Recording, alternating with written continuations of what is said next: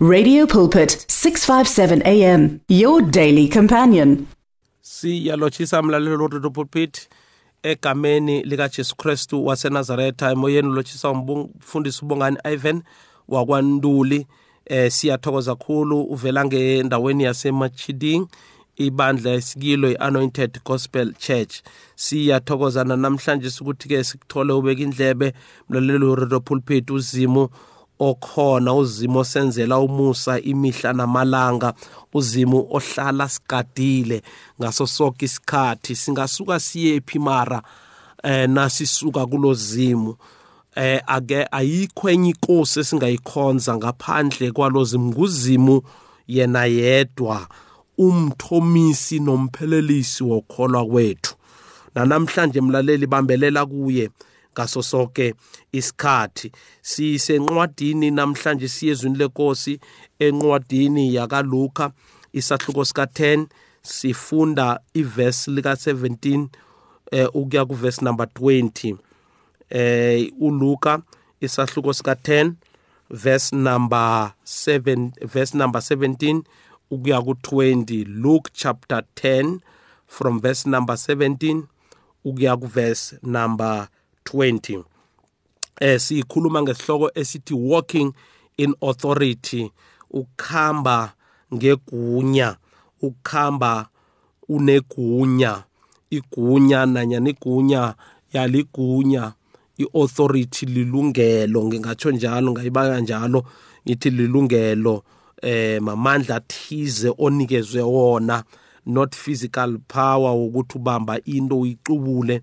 mara kufana nokuthi authority i-authority singayibiza ukuthi eh njengama traffic i-traffic nethi nalimbethe eh impahla zobutraffic likujamise endleleni liyaphuma nje kunegere kufanele kune attire kufanele imtela imbathe naw nemendlela azibekileko la.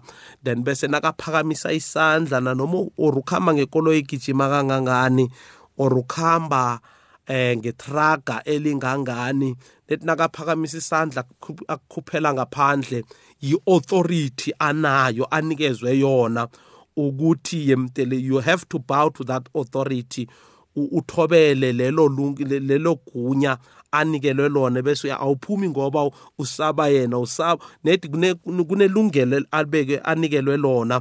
Kunamandla i-authority ethize anikelwe yona yokwenza lo mbereko nepholisa nalifika line-authority ethize anikelwe yona. Masotsha bane-authority abanikelwe yona. Sona sifunda ngegunya namhlanje lithi ibhayibheli la eh siyafunda Luka chapter 10 sifunda from verse number 17 ukuya ku verse number 20 lithi ibhayibheli la sifunda khona lithi then the 70 returned with joy saying lord even the demons are subject to us in your name yeah even the yeah lord even the demons are subject to us in in your name ncancabe mlalelo repulpit and he said to them ujesu sekabaphendula i saw satan fall like lightning from heaven. Behold i give you the authority to trample on serpents and scorpions and over all the power of the enemy and nothing shall by any means hurt you nevertheless verse number 20 do not rejoice in this. Ningajabuleli lokhu that the spirits are subject to you but rather rejoice because your names are written in heaven. Yilokhu ivesi esilitholako namhlanje uJesu akhuluma nabafundi bakhe. Now after bekabathumela eh abathumela to each and every place ebekabathumela kizo ke uJesu eh, ngalesi sikhathi. Naw nakabathumela now baletha i-report kuJesu.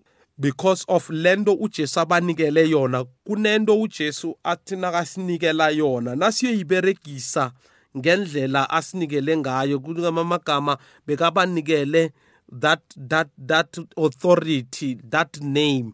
Abasebenza ngalo. So na bathi nabafika labaya khona babona ukuthi eh kuyenzeka ngaleli gama. Eh there's something about the name of Jesus bazalwane. There is something about the name of Jesus. Libereka ngendlela enye rarileko licho njalo izwi lenkosi ukuthi alikho elinye igama esinikelwe lona.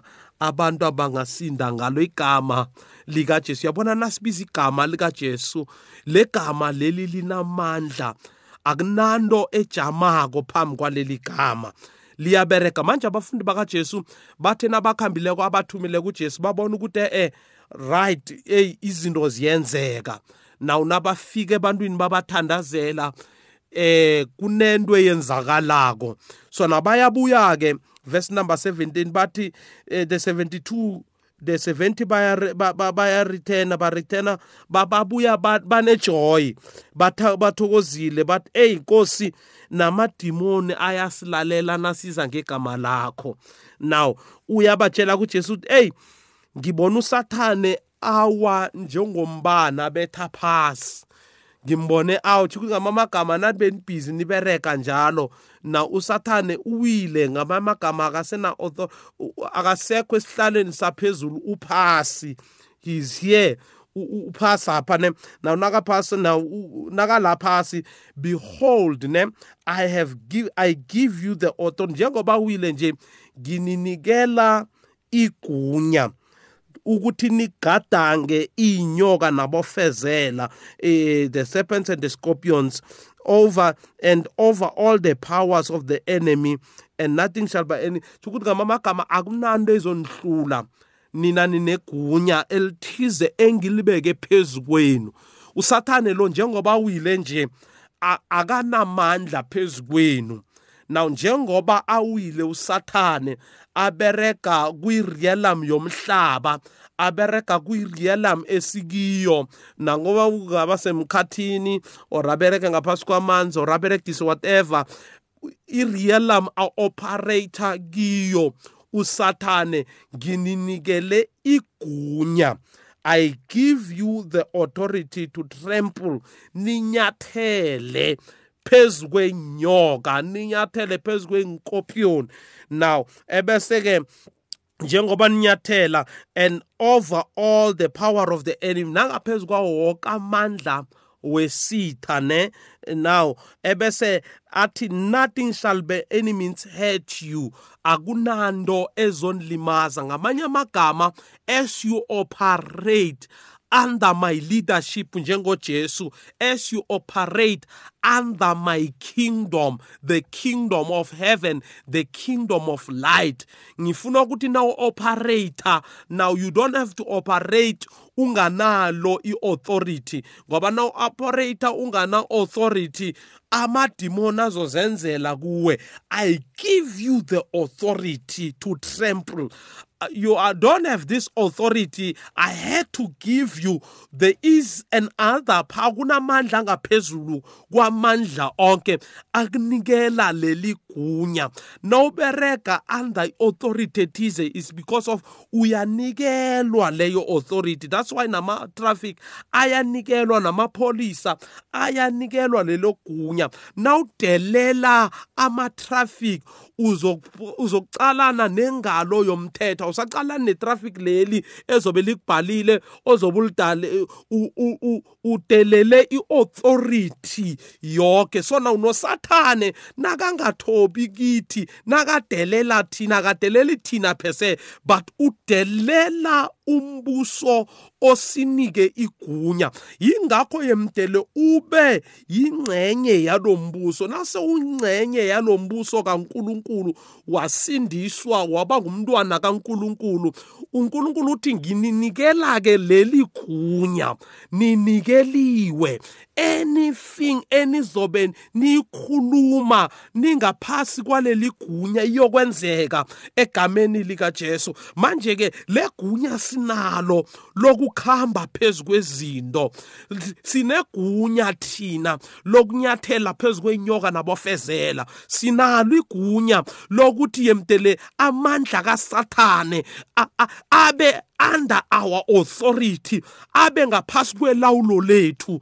Singalawulwa mara thina silawule. Now into esingiyo kule Jesu into esingiyo kulombuso kaNkuluNkulu singabantu begunya sinawamandla wokuthi sinawinto yokuthi senze izinto zenzeke.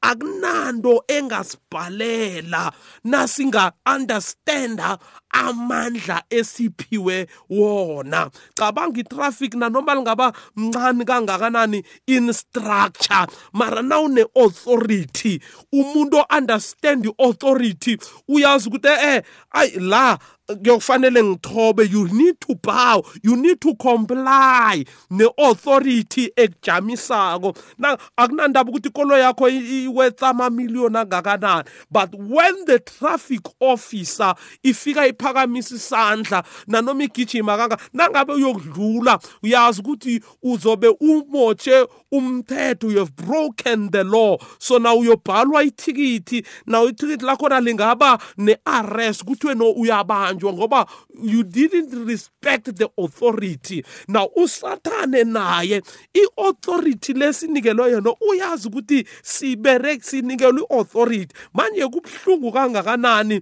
ukunga-exercise i-authority onikelwe yona ekhaya emazulwini? Mlalelo roro pulpit ngizwe namhlanje egameni likajesu you have been given an authority wena unamandla wena unegunya. Elithize. Awukakamaleli ukuthi uthuselwe ngisathane.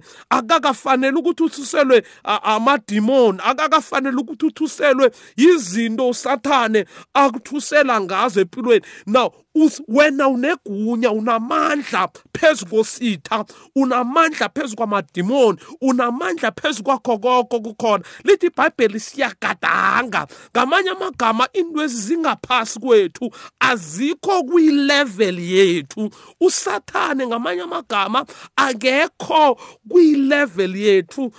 Nasingabe siyayinyathela inyoka nayo ikhamba phasi inkopyoni zikhamba phasi ilevel kasathane naso la ikhona ikhamba lapha phasi. Ngamanye amagama nasiza thina siza sine authority engaphezulu kwakhe usathane. Manje kuyoba buhlungu kuyoba kumbi ukuthi singa siyokuvumela inyoka zisilume siyokuvumela inkopyoni zisilume ngoba sisuke saya kwilevel yazo sahlala la zikhona. Zange si-exercise i-authority yethu usathane uyazi ukuthi sinegunya.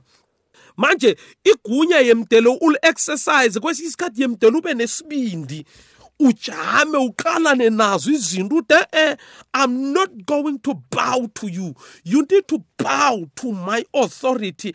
I am in charge. Kwami i am in charge. Emberegweni i am in charge. Ngikho konke ebhizinisini lami i am in charge. Esikolweni la ngifunda khona as i write ama-exams as i write my trials as i write whatever okuyi-test engiqalene nayo i am not going to be ukuthi ngivumele isimo ukuthi singicontrole ngizo mina i am above. I have studied satan. This subject engicalene na angeke ngivume ukuthi yemdele ngibe nespirit sokhohlwa izinto engizifundileko. As i write my exam i speak. As i have studied ngifundile ngafundela whatever ezobe ngikubhala now angeke ngi-entertain usathane angifakele umoya wokhohlwa. Satan i have an authority. I am trampling upon you. Ngigadanga phezu kwehloko yakho ngigadanga phezu kwawo wonke abofezelo bathumele empilweni nami. Amandla wonke wesitha any kind of power enziwa from whatever kingdom of darkness ayezela ukuthi yemtele sikhohlwe yemtele singaphasi yemtele kungabi nento ephumelelako. In my life i am trampling upon them. I have that authority. I'm exercising that authority. Ngiyaliberegisa igunya ngiyakujamisa ngethi sathane hey la you don't have any power to operate. Now ngiye ku-operator mina ngamandla kakristu jesu. So now zonke izinto zenzako ngabanye amagama ngeke zilunge in my life angeke zilunge empilweni nami.